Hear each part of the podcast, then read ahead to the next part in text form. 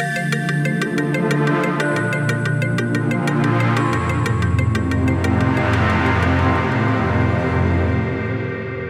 mikrofonie Hanna Rydlewska słuchacie podcastu Wok Polska Living. 17 stycznia poznaliśmy 40 realizacji, które trafiły na krótką listę konkursową tegorocznej edycji nagrody imienia Misa van den Rohe, najważniejszej europejskiej nagrody architektonicznej. Wśród nominowanych znalazł się obiekt z Polski, targ w Błoniu projektu pracowni architektonicznej Aleksandry Wasilkowskiej. O laur ten obiekt powalczy m.in. z Galerią Sztuki Współczesnej Plato w Ostrawie. To projekt autorstwa pracowni Roberta Koniecznego. Ten obiekt, dodajmy, reprezentuje Czechy, więc e, Polska jest tylko i aż reprezentowana przez Aleksandrę Wasilkowską. Kolejny etap konkursu w kwietniu, to wtedy poznamy ścisłą, finałową piątkę, a o założeniach tego targu w Błoniu, który został nominowany do nagrody, tak zwanej architekturze cienia, do której zaliczają się bazary i o miastach przyjaznych mieszkańcom porozmawiam dziś z architektką, urbanistką, scenografką, autorką książek i projektów wystaw Aleksandrą Wasilkowską. Cześć, dzień dobry. Dzień dobry. Targ w Błoniu to jest twoja kolejna realizacja związana z projektowaniem bazarów. Wcześniej zajmowałaś się m.in. bazarem bakalarska, robiłaś też rozmaite interwencje artystyczne, warsztaty, masz na koncie publikacje na ten temat. Jaka idea zasadzała się u podstaw tej realizacji w Błoniu? Mam wrażenie, że tutaj chodziło o stworzenie takiej hybrydy. Z jednej strony bazaru, a z drugiej e, współczesnej agory, czyli takiej przestrzeni do spędzania czasu przez lokalnych mieszkańców. E, bazarami zajmuję się od 20 lat i każdy bazar jest e, inną historią. Wydawało mi się, że, że właściwie mm, łatwo być ekspertem po 20 latach, a okazuje się, że każdy bazar wymaga ode mnie e, szczegółowej analizy i w przypadku targu w Błoniu mm, okazało się, że to jest takie miejsce, które mm, jest patelnią, jest e, targiem, który działa trzy razy w tygodniu i po tym czasie jest po prostu wybetonowanym placem, właściwie przy samym sercu rynku e, miasta. W związku z tym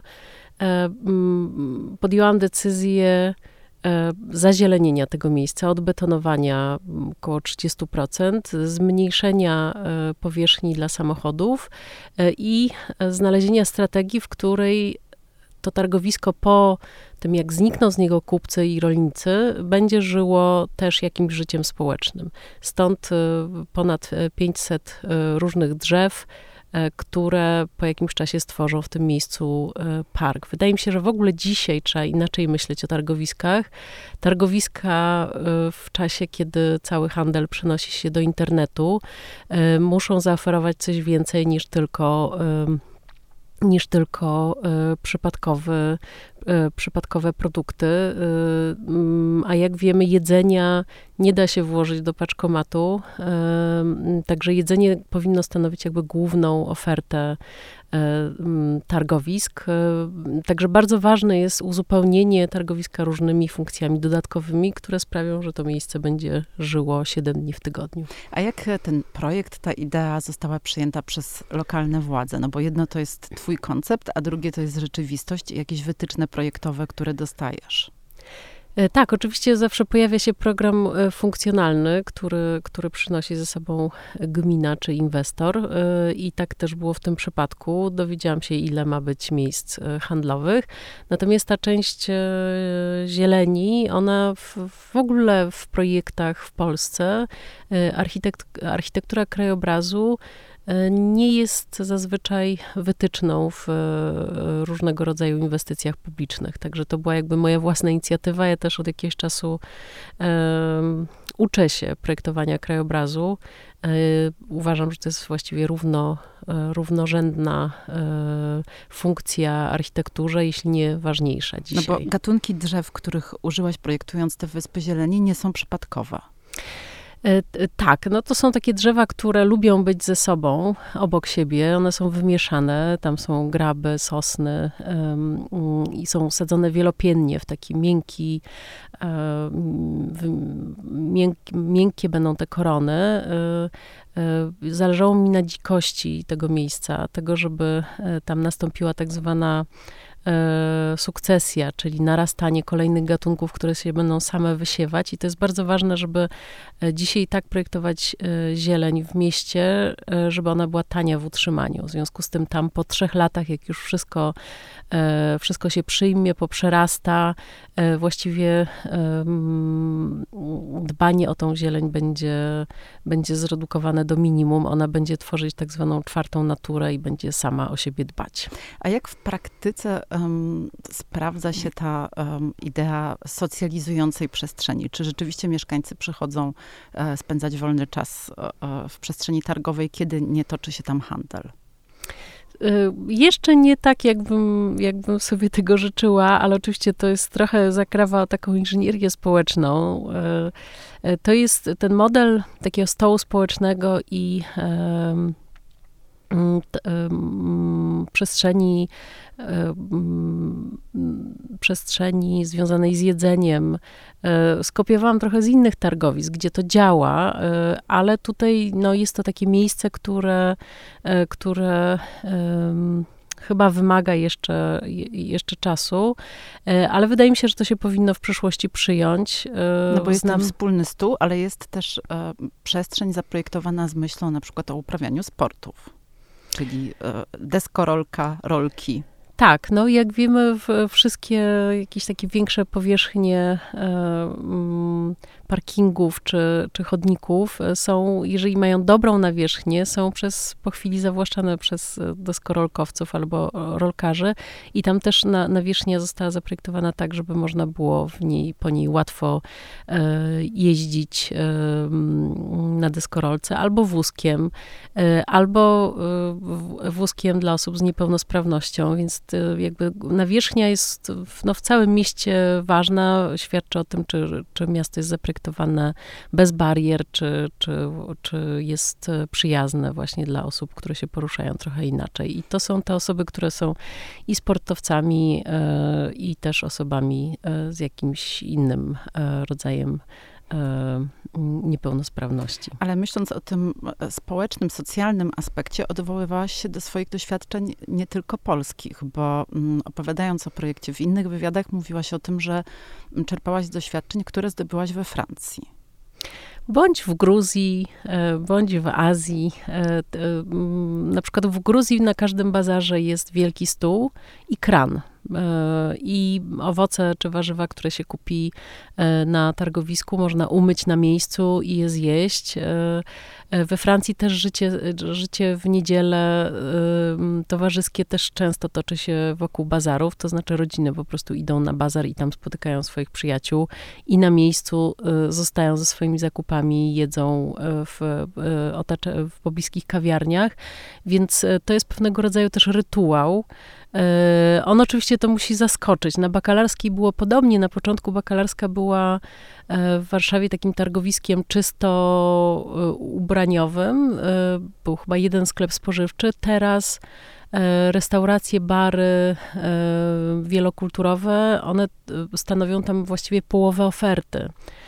I kupcy mówią mi o tym, że oni muszą wyjść naprzeciw, że usługi to jest coś, co musi uzupełniać targowisko, żeby ono żyło, że trzeba wytworzyć pewnego rodzaju właśnie masę krytyczną różnych e, propozycji e, po to, żeby mm, targowisko przyciągało nie tylko po zakupy, ale... Również projekty artystyczne, bo można na przykład robić sobie tipsy projektowane przez artystów topowych.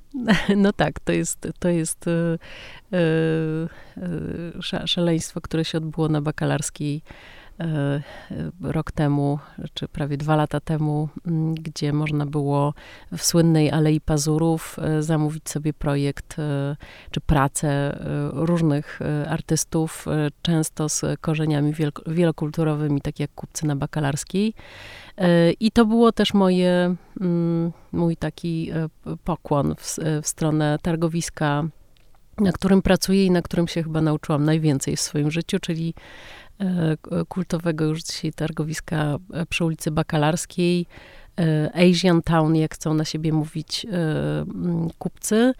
Miejsca, w którym handluje ponad, ponad tysiąc kupców, ponad 30 różnych narodowości. Jest to takie miejsce właściwie jak wieża Babel, w którym miesza się, mieszają się miliony różnych kierunków i, i języków.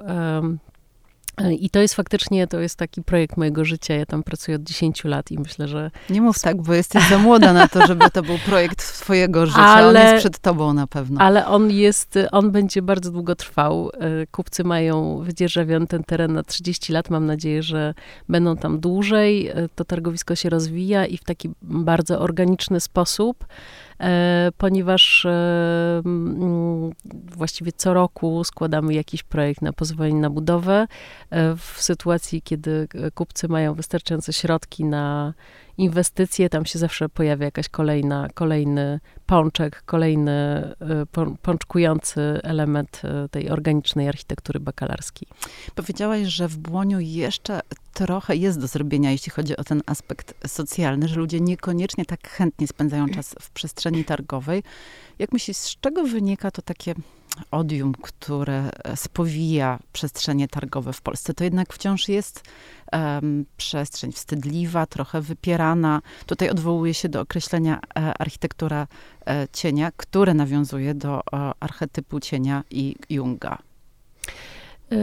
No faktycznie mm, te osoby, które pamiętają transformację, pamiętają jak wyglądała ta walka w przestrzeni publicznej, ściganie kupców, e, którzy tam handlowali sznurowadłami, e, czy truskawkami, czy innymi dobrami w szczękach e, czy to pod stadionem dziesięciolecia na Jarmarku Europa, czy na Placu Defilat, to były takie przestrzenie, które były, na które spontaniczny handel wylał się po, tuż po transformacji. No zresztą mówi się o czymś, że jest bazarowe i to ma takie nacechowanie silnie pejoratywne, bazarowa estetyka, czyli coś nieładnego. Tak, no jest to pewnego rodzaju, jest to specyficzna y, estetyka. Y, bakalarska, która jest zarządzana przez kupców, wygląda zupełnie inaczej niż targ Błonie, który jest zarządzany odgórnie yy, i które jest bardzo uporządkowane. Yy, ale yy, wydaje mi się, że naturalnym takim modus operandi targowisk jest po prostu bycie organicznie spontanicznym i nieformalnym. I ta nieformalność właśnie świadczy o tym, czy targowisko funkcjonuje, jest odporne na zmiany różne ekonomiczne, pandemie i regulacje odgórne. E, I no oczywiście mm, w trakcie transformacji żeśmy trochę wstydzili się tej, tego swojego wschodniego sznytu e, i, i, i, właśnie tej architektury nieformalnej, ale widzę zmianę. E, zresztą większość warszawiaków deklaruje, że korzysta z targowisk, prawda? Jakby hala Hala Gwardia, czy targowisko e, e, Mirowskie, czy inne targowiska Koło, Wolumen, czy Olimpia. Olkuska, czy Olkuska. Mieszkanka tak. Mokotowa, to oczywiście powiedzmy bardziej taki luksusowy przybytek, no ale idea jest ta sama, czyli odwrót od centrów handlowych, w których zamyka się sklepy. To był ten zwrot w kierunku Europy Zachodniej i tej kultury, za którą tęskniliśmy w PRL-u, a teraz jakby wracamy do korzeni.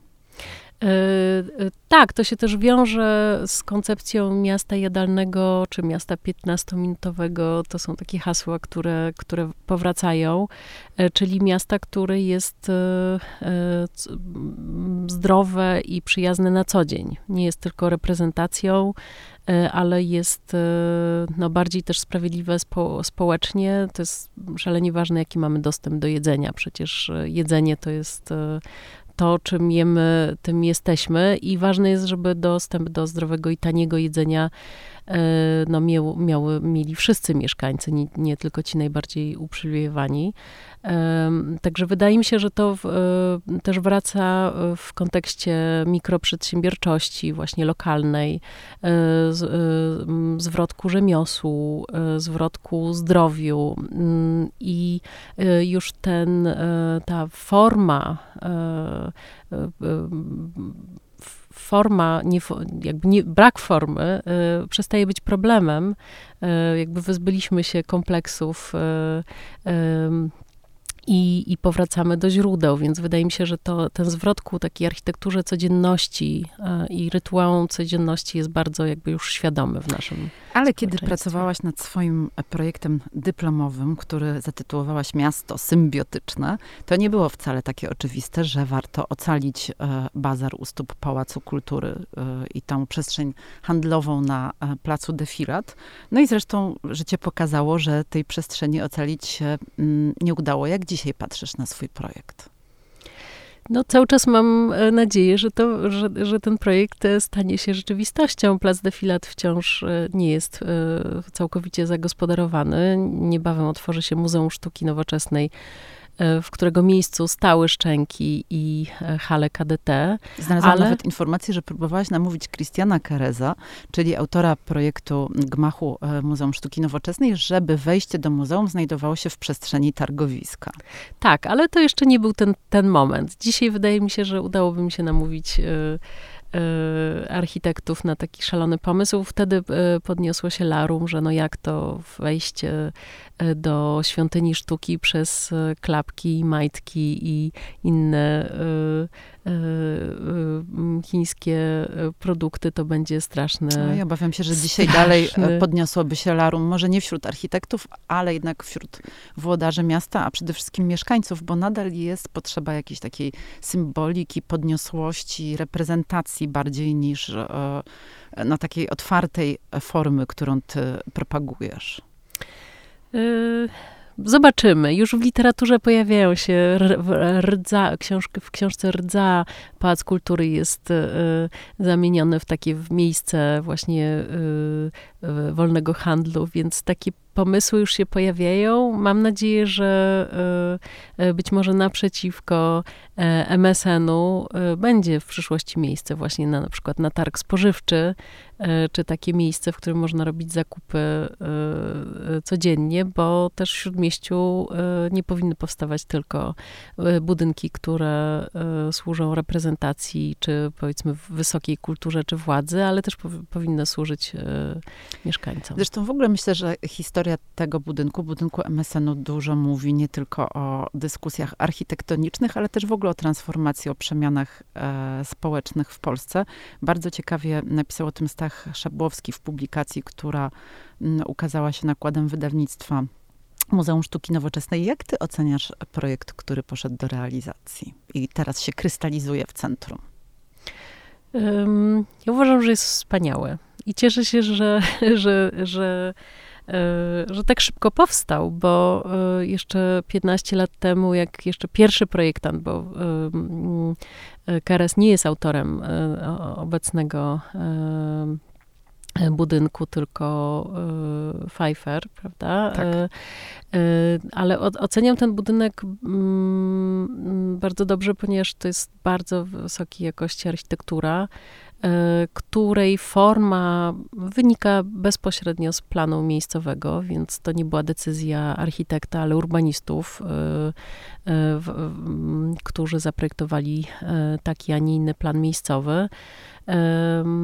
No, myślę, że to będzie bardzo ważne miejsce na mapie Warszawy i, i chyba do tej pory żaden budynek nie miał takiej takiej jakości kultury detalu, e, więc uważam, to nie jest tak, że jestem zwolenniczką budowania wszystkiego w formie e, bazaru, e, w formie bakalarskiej, bazaru. żyjącego bazaru. Uważam, że też jest, że takie, takiej um, wysublimowana architektura, jak właśnie MSN, e, e, będzie też świetnym przykładem tego, jak można, e, jak, jakiej jakości rzemiosło można stworzyć też w naszej, w naszej stolicy, więc bardzo czekam na, na otwarcie. No i też wspaniały plac centralny, który w końcu e, powstanie, jakaś przestrzeń publiczna zamiast parkingu. Uważam, że e, przede wszystkim należałoby wszystkie parkingi redukować, zmniejszać ilość samochodów, które to,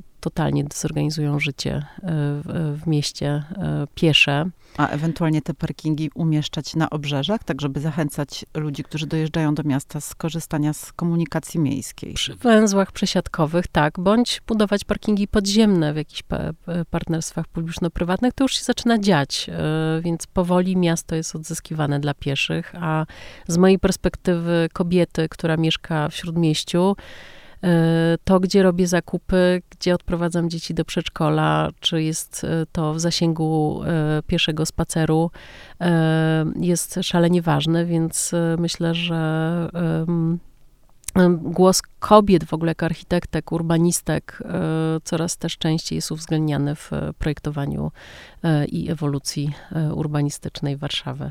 No właśnie, wróciłam do twojej rozmowy z Agatą Twardoch, przygotowując się do naszego spotkania. To książka architektki, czy kobiety zaprojektują lepsze miasta.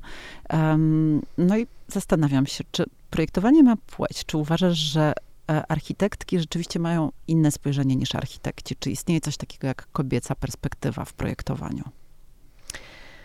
E, trudne pytanie. To wiem. jest bardzo trudne pytanie, tak, bo oczywiście ta e, dyskusja już trwa i jest też wiele kobiet, które nie chce, nie chce tego podziału i też młode pokolenie dwudziestolatków już jest zmęczone e, tym binarnym podziałem na, na kobiety, mężczyzn i tą e, polaryz polaryzacyjną dyskusję, więc... E, I tutaj nie pytam o feminatywy, tylko bardziej o, sp o spojrzenie na projektowanie.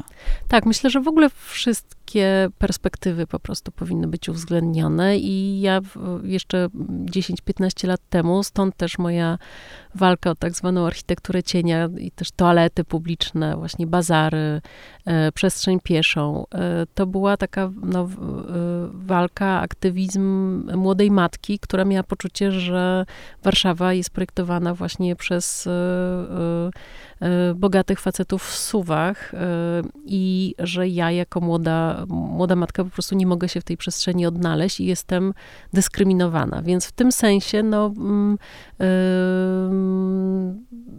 dobrze by było, gdyby perspektywa mm, tej troski, opieki, codzienności była uwzględniona w, w projektowaniu urbanistycznym e, i to się powoli zaczyna dziać. E, coraz więcej kobiet jest e, dopuszczanych do głosu.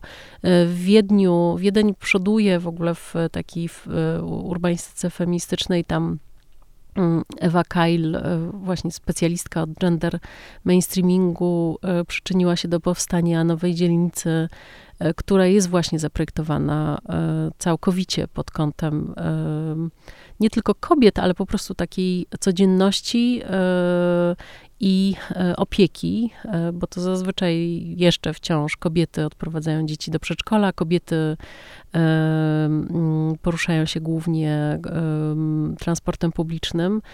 E, I, I to jest świetne miejsce, które mogłoby być przykładem dla innych e, dzielnic, więc wydaje mi się, że to jest ważne, żeby, żeby jakby może nie, nie kłaść nacisku na jakąś polaryzację czy walkę e, międzypłciową, pokoleniową, ale po prostu uwzględnienie różnych perspektyw, różnych mniejszości, też LGBT. Ja teraz projektuję szkołę, w której którą konsultowaliśmy z Fundacją Lambda, e, która będzie dostosowana, jak się okazuje, właśnie też do, e, do takiego sprawiedliwego podejścia dla wszystkich płci.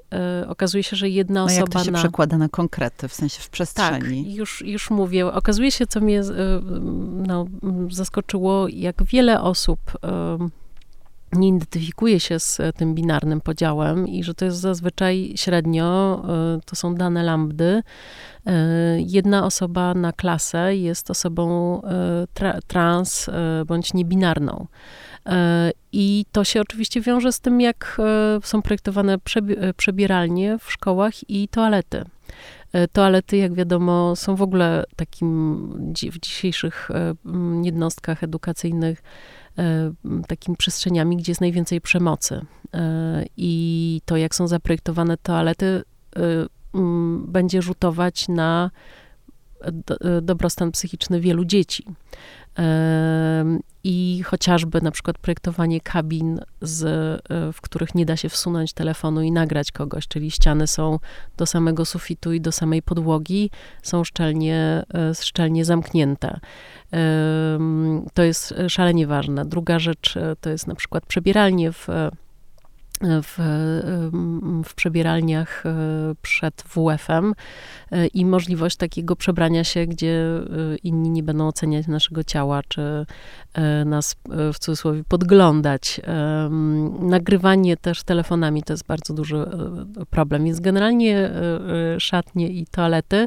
Druga sprawa, toalety, też ich oznakowanie. To już coś, z czym się mierzyłaś, projektując szalety miejskie. Tak, oznaczone serduszkiem. Udało mi się wywalczyć, że nie będzie, nie będzie tych e, ikonek e, dzielących na płeć, ale to będą uniseksowe e, toalety. Ale... A to serduszko też trochę odsyła do takiej klasycznej polskiej sławojki. Tak, no i jest chyba najbardziej, jak żeśmy sprawdzali badania, najbardziej rozpoznawalnym, charakterystycznym znakiem czytanym przez międzynarodowo właściwie we wszystkich kulturach E, jest, jest to oznaczenie, e, ale też przepisy e, budowlane, przepisy techniczne są niedostosowane do mm, do tego, jak funkcjonuje społeczeństwo, no bo wiemy, że teraz w szkołach jest e, tyle samo dziewcząt, co chłopców. E, w Sejmie jest tyle samo, no wciąż mniej posłanek, ale dążymy do tego, żeby władza też była, miała parytet, a toalety wciąż są projektowane tak, jakby mężczyzn było więcej w przestrzeni publicznej. Takie są przepisy techniczne. I, i, I podobnie szkoły, czyli efekt jest taki, że jak idziemy do teatru, to więcej jest tak zwanych oczek, dla mężczyzn niż dla kobiet, bo dochodzi jeszcze pisuar, to jest ten o jedno oczko więcej. I, i, i też prawo budowlane właśnie nie, nie nadąża nad naszą emancypacją. Więc to jest też coś, co e, poza przestrzenią publiczną i projektowaniem też będzie musiało e, w najbliższej perspektywie być skorygowane.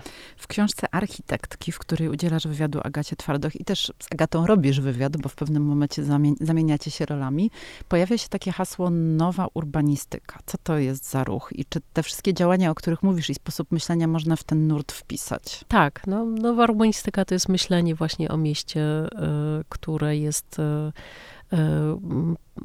bezpośrednio związane z codziennością, ale też uwzględnia perspektywę feministyczną, e, e, łączy się też z architekturą krajobrazu. Teraz bardzo dużo też się mówi o postkomforcie, czyli to, tym, że mm, za chwilę będziemy musieli mm, projektować takie miejsca chłodzenia, mm, ponieważ temperatury i wyspy ciepła w miastach gwałtownie rosną.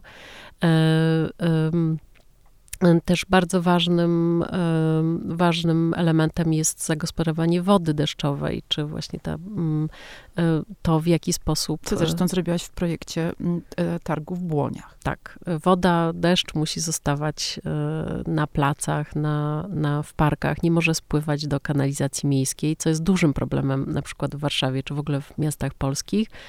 E, więc w jednym z takich projektów e, w Rzeszowie, gdzie prze, mm, zaprojektowałam masterplan dla e, terenu wokół hali targowej.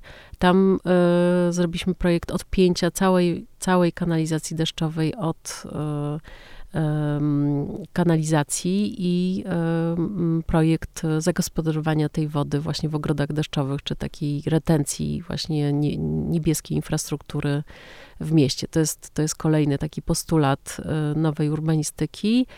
E, I ostatnio bardzo ważnym tematem jest e, architektura cyrkularna. Można też pomyśleć o właśnie urbanistyce wręcz cyrkularnej, czyli w jaki sposób myśleć o rozbiórkach e, czy ponownym użyciu budynków. I dzisiaj e, bardzo dużo mówi się o tym, że musimy zmienić paradygmat.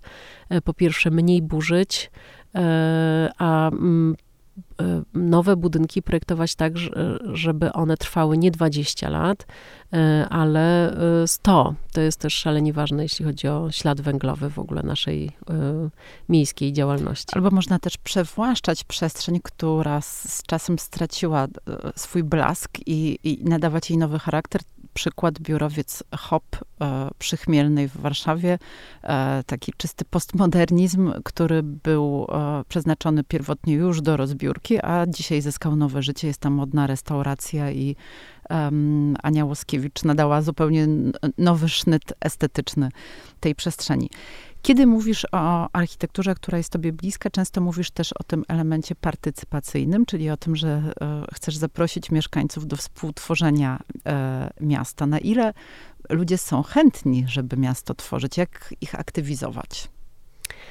No, y, tutaj muszę powiedzieć, że z wiekiem y, im więcej mam doświadczenia właśnie w tych procesach partycypacyjnych, tym więcej widzę pułapek E, a czasami nawet e, takich sytuacji, w których e, po prostu ten proces prowadzi do paraliżu. Wiemy też, że no, że są różne lobby w mieście, że różne osoby potrafią krzyczeć głośniej, więc umiejętność takiego wciągania mieszkańców i moderowania tej dyskusji jest no, niezwykle ważna i widzę dzisiaj, że e, to przekracza kompetencje architektów. To znaczy, moderator takiej dyskusji to jest osoba kluczowa, która e, mogłaby taką, taką wiedzę mm, z tych dyskusji wyciągać. I kto to powinien być? Kto powinien odpowiadać za edukację na tym polu?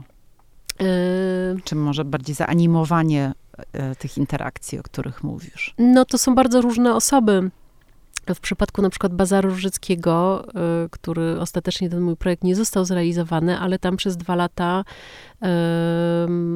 pomagała mi osoba, która, Ania Cybulska, która po prostu ten proces dyskusji, rozmawiania z kupcami, y, i z mieszkańcami y, moderować i zbierać jakieś konstruktywne wnioski. To jest bardzo trudne. Tam jest bardzo dużo też takiej, no w cudzysłowie, przymocy symbolicznej.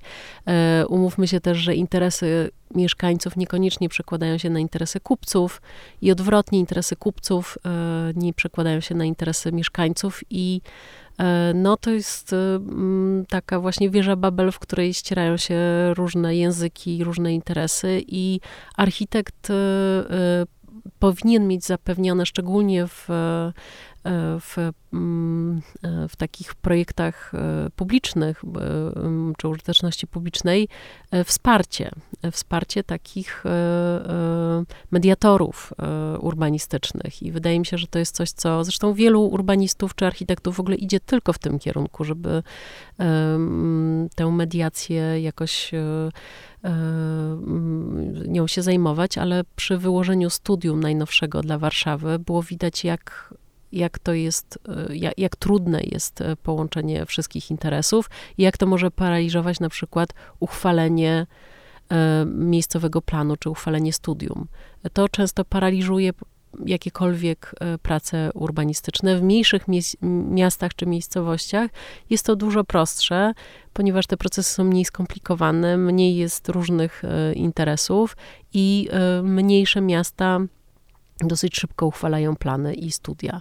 Natomiast Warszawa no, cały czas ma nieuchwalone studium, e, ma bardzo mało planów miejscowych uchwalonych i to wynika właśnie z tego paraliżu, no jak wieża Babel, e, w którym jest tych interesów bardzo dużo. Więc wierzę jednak e, w, też w, w takie projektowanie, w którym mm, pewne ramy są określone, ale też jest zostawione pole na taką zmianę, bo często plany miejscowe po dwóch latach już są nieaktualne właśnie. Nagle nagle pojawia się, e, pojawia się na przykład temat właśnie e, retencji wody i już taki plan e, nie ma, nie ma sensu. Także.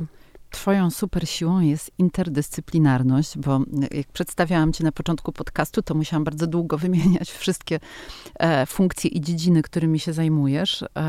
Mam wrażenie, że to ci pomogło na początku twojej zawodowej drogi, bo zajmowałaś się e, projektami artystycznymi, robiłaś scenografię i dzięki temu mogłaś być bardziej selektywna, jeśli chodzi o projekty architektoniczne. Nie musiałaś iść sama ze sobą na kompromisy. Zgadza się. Mój sposób i rada dla wszystkich młodych. Yy, yy, dywersyfikacja taka, która pozwoli być niezależnym, bo ja faktycznie zbudowałam mało. W każdej z tych dziedzin ta suma jest bardzo bogata, ale, ale łączę w, w, w ciągu roku robię dwa duże projekty budowlane i na przykład dwie scenografie i to mi całkowicie wystarcza, żeby, żeby prowadzić pracę, utrzymać pracownię, ale też właśnie nie iść na kompromisy i, i też e, no, nie znudzić się po prostu swoim zawodem, który, e, który jest e, bardzo trudny. A dzisiaj bariera wejścia jest jeszcze większa? Myślę, że... Niż była, kiedy ty wchodziłaś do zawodu? Myślę, że tak. No, coraz więcej dziewczyn kończy architekturę i one z racji tego, że mniej się rozpychają i mniej walczą są, mm, ale są coraz bardziej asertywne. Też widzę różnice pokoleniowe, że to nowe pokolenie e, jest dużo bardziej asertywne i dzięki niemu e, zmieniają się standardy, chociażby bal architektek, które dziewczyny zrobiły wspaniałą pracę. E, taką na rzecz kobiet w architekturze. E, więc wydaje mi się, że z jednej strony jest trudniej, ale z drugiej strony to pokolenie jest bardziej świadomie, świadome i, i świadomie stawia granice i walczy o swoje wartości. Czyli dziś już nie byłoby tak, że gdybyś pojawiła się z młodszym i mniej doświadczonym asystentem, to na spotkaniu kontrahenci zwracaliby się do niego, a nie do ciebie, bo on jest mężczyzną? Przepraszam, muszę to powiedzieć, ale jesteś najle najlepiej przygotowaną osobą, znasz wszystkie szczegóły e, mojej, mojej, pracy pra zawodowej. Mojej pracy zawodowej. E, tak, no przede wszystkim dzisiaj jestem o, o 15 lat starsza, więc to już jakby w ogóle e, się zmienia, ale faktycznie młode dziewczyny no, mają bardzo duży, e, duży problem, żeby, e, żeby mm, przebić się też na budowie, bo budowa to jest połowa naszego czasu, spędzamy na, na budowach. To porozmawiamy o pracy w teatrze, bo powiedziałyśmy o scenografii. To zresztą scenografia nie jest e, tylko domeną teatru, również e, projektów artystycznych, ale Twoja Czarna Wyspa to projekt, który do dzisiaj chodzi mi po głowie jako taki, no, ikoniczny, można powiedzieć, ikoniczna realizacja w teatrze. To 2011 rok, więc już dawno temu. Spektakl Krzysztofa Garbaczewskiego Życie seksualne dzikich i ten projekt trafił chyba do zasobów Galerii Zachęta. Tak, jest, jest, w kolekcji e, Zachęty. Opowiedz o nim. E, oj, to było faktycznie bardzo dawno temu. To była moja pierwsza, mój pierwszy projekt scenograficzny e, i wydaje mi się, że, że, moje najlepsze projekty to są te, które robiłam po raz pierwszy. Bardzo lubię się uczyć nowych rzeczy i to była też pierwsza moja w ogóle przygoda w, w teatrze, jak, jakby od tej strony kuchni teatru. Wtedy E, wspólnie też z dramaturgiem Marcinem Cecko e, pracowaliśmy nad dziennikami Bronisława Malinowskiego e, i jego podróży do właśnie na, czar, na Czarne Wyspy do Nowej Gwinei, tam gdzie prowadził swoje badania i nasz, nasza praca poszła w takim kierunku spekulacji na temat przyszłości, E, też właśnie takiej, takiej refleksji kolonialnej czy postkolonialnej, e, kim e, byli, będą dzicy w przyszłości.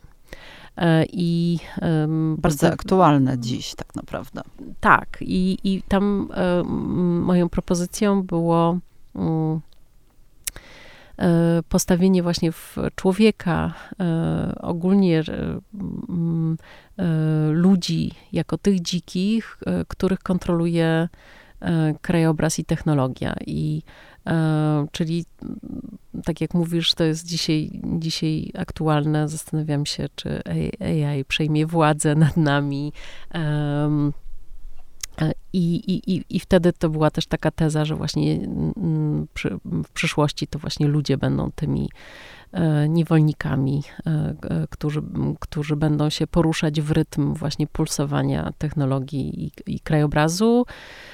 I scenografia to była właśnie taka przestrzeń, która, mm, która była takim czarn, czarną wyspą odwróconą E, nad głowami aktorów. E, na początku spektaklu wisiała nad głowami e, widzów, a później w, w czasie trwania spektaklu przesuwała się w głąb sceny i pulsowała, mm, kontrolując i też reagując na ruchy. Właśnie aktorzy w pewnym sensie byli takimi wytworami wypluwanymi przez Czarną Wyspę. Oni się pojawiali właśnie z wnętrza, z wnętrza tej chmury, czy zawieszonej właśnie do gór nogami wyspy. E, no to było duże wyzwanie e, i bardzo ciekawe moje pierwsze właśnie spotkanie z e, żywiołem teatru. A kolejne? Takie, które były dla ciebie ważne? Opera, też z Krzyśkiem Garbaczewskim w Teatrze Wielkim. To, była, to był taki dyptyk dwóch kompozytorów, Sławka Wojciechowskiego i Marcina Stańczyka też niesamowity, niesamowity projekt, w którym też projektowałam kostiumy e, i spotkanie z, właśnie z muzyką współczesną, ponieważ tam i libretto e, napisane przez um, Marcina Cecko i Andrzeja Szpindlera i muzyka właśnie skomponowana przez kompozytorów była, były nowe, więc to było takie testowanie starego formatu, jakim jest Gesamtkunstwerk w postaci właśnie opery w całkowicie nowej, nowej formule i to było też niesamowite, niesamowite przeżycie. A jakby mm, spojrzeć z kolei na kolejną dziedzinę, czyli e, wystawy, to które były przełomowe z twojej perspektywy? No pewnie udział w mm, Biennale Architektury w Wenecji to 2010 rok. Chyba nie, jeszcze wcześniej. Chyba pierwsza moja wystawa, którą robiłam w Centrum Sztuki Współczesnej, e, kuratorem był Łukasz Ronduda mm, i to była współpraca z e, artystami i z naukowcami. E, I wtedy też to była moja pierwsza wystawa, więc e, wtedy sobie zadaję najwięcej pytań. Lubisz te debiuty? Lubię, lubię robić nowe rzeczy po raz pierwszy, bo wtedy jakby jestem najbardziej czujna i chyba wtedy dochodzę do sedna jakiegoś, a później to jest już takie e, mm, no, mm, Chociaż bazowanie z baz- Z bazarami tak nie masz, bo z, bazarami, z bazarami pogłębiasz. Tak, ale pamiętam, że wtedy zadałam sobie, mm, idąc do właśnie Zamku Jazdowskiego, widziałam kilka kontenerów przed Ujazdowskim polskim e, e, gips kartonu wyrzuconych po poprzedniej wystawie i wtedy sobie powiedziałam, że o nie, e, znowu wystawa, która potrwa pewnie miesiąc i będzie mm, mm, oczywiście jakaś wiedza zostanie pokazana i jakiś ciekawy dyskurs wytworzony, ale zostanie po niej strasznie dużo śmieci. I wtedy postanowiłam, że po tej wystawie nie zostanie żaden śmieć i cała wystawa została zaprojektowana. Dostaliśmy wtedy bloczki Itong, Itong e, od sponsora e, i wszystkie te bloczki e, były walutą, którą zapłaciliśmy firmie budowlanej. Po zamknięciu wystawy te bloczki z tych bloczków w Limanowej powstał dom. Więc y, zero waste, coś co teraz, o czym teraz się bardzo dużo mówi, ale wtedy pamiętam, że to był dla mnie właśnie priorytet. No oprócz tego super ciekawe, ciekawa współpraca, też napisanie manifestu wspólnie z Edwinem Bendykiem i Andrzejem Nowakiem y, wokół neoawangardy i y, tego, w jaki sposób niezwykle rzadkie zdarzenia jak katastrofy, wojny czy jakieś przypadkowe spotkania zmieniają bieg historii. I to była ba bardzo, bardzo dla mnie osobiście chyba kluczowa, fundująca praca. No i pewnie Bazaristan, 2012 rok i Wrocław. Tak. Kolejny, tak, wystawa w przestrzeni bazaru. To jest coś, co e, bardzo lubię robić, bo mm, nie trzeba budować architektury. Architektura jest e, zastana, e, a jednocześnie bardzo specyficzna i bardzo lubię, wtedy byłam w roli kuratorki i architektki tej wystawy. To było trzydniowe wydarzenie, gdzie na straganach w dzień targowy pokazywali się, pokazywali swoje prace wplecione w, w życie kupców, e, pracę artystów, e, wtedy świetne prace. Janek, na przykład Simon, drukował na drukarce 3D. Pierwszy jego projekt z drukarką 3D E, sery. E, to była taka, e, taki żart wokół tego, co się sprzedaje na, na, na bazarach, właśnie rzeczy, które są często niepotrzebne. I to były właśnie plastikowe sery 3D, czy świetna praca nowików wtedy, a dzisiaj postnowików. Reedycja klasyki literatury erotycznej. Oni zaprojektowali wtedy okładki dla książek, ten no, taki klasyk, klasyk erotyków literackich z nowymi okładkami, gdzie owoce i warzywa uprawiały seks. I um, zasada była taka, że można było nabyć taką, taką książkę, no był, no, nie wiem, na przykład Desade, czy Millera, różne, różne teksty. E, z, można było nabyć tę książkę za, w zamian za mm, za warzywa, na przykład kilogram, nie wiem, truskawek. E, I pierwsze, wszystkie właściwie chyba, wszystkie książki... Zwrotnik raka za wiśnie? Tak, zwrotnik raka, dokładnie. E, wszystkie te książki wykupili kupcy. E, okazało się, że mieli tak niebywałe poczucie humoru i tak świetnie e, przenikała się ta energia artystów z ich żartami i e, taką otwartością. Tam też było wielu kupców właśnie z Ormian czy z różnych narodowości i to było naprawdę wspaniałe E, trzy dni takiego wydarzenia performatywnego. Slaven Tatars zrobił świetną, świetny wykład e, performatywny e, o przestrzeniach takich hybrydalnych. Wtedy też zaprojektowali coś, co dzisiaj zrealizowali w Berlinie.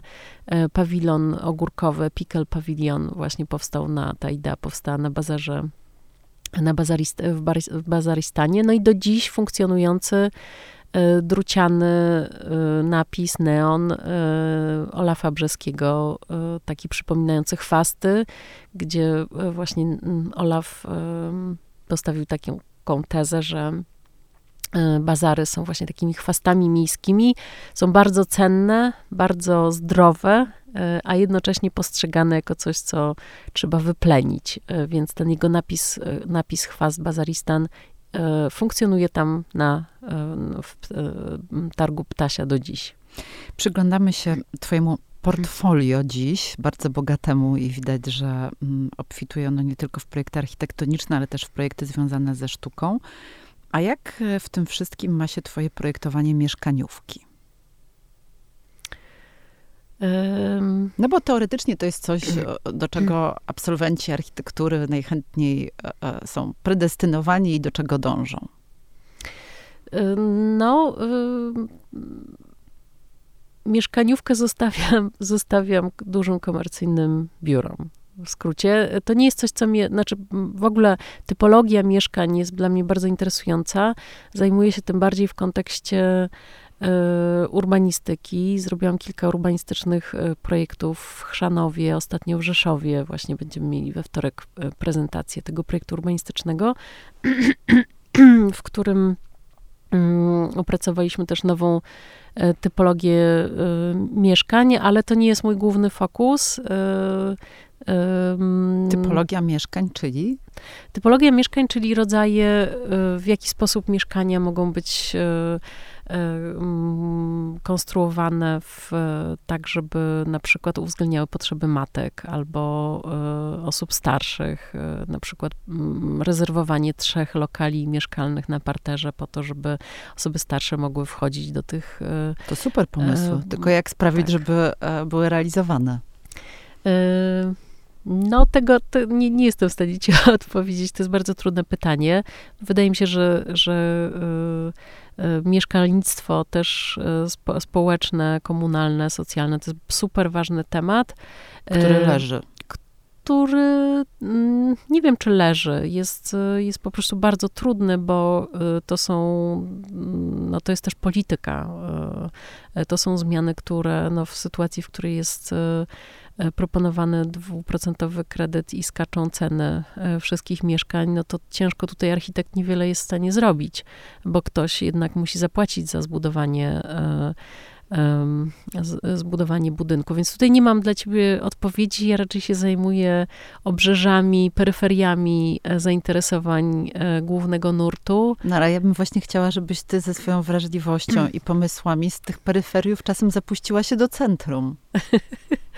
No świetnie, może teraz właśnie po 40 zacznę zajmować się centrum, ale na razie zostaję na peryferiach. I e, kolejna e, dziedzina, e, którą zamierzasz wydobyć z cienia, to architektura funeralna?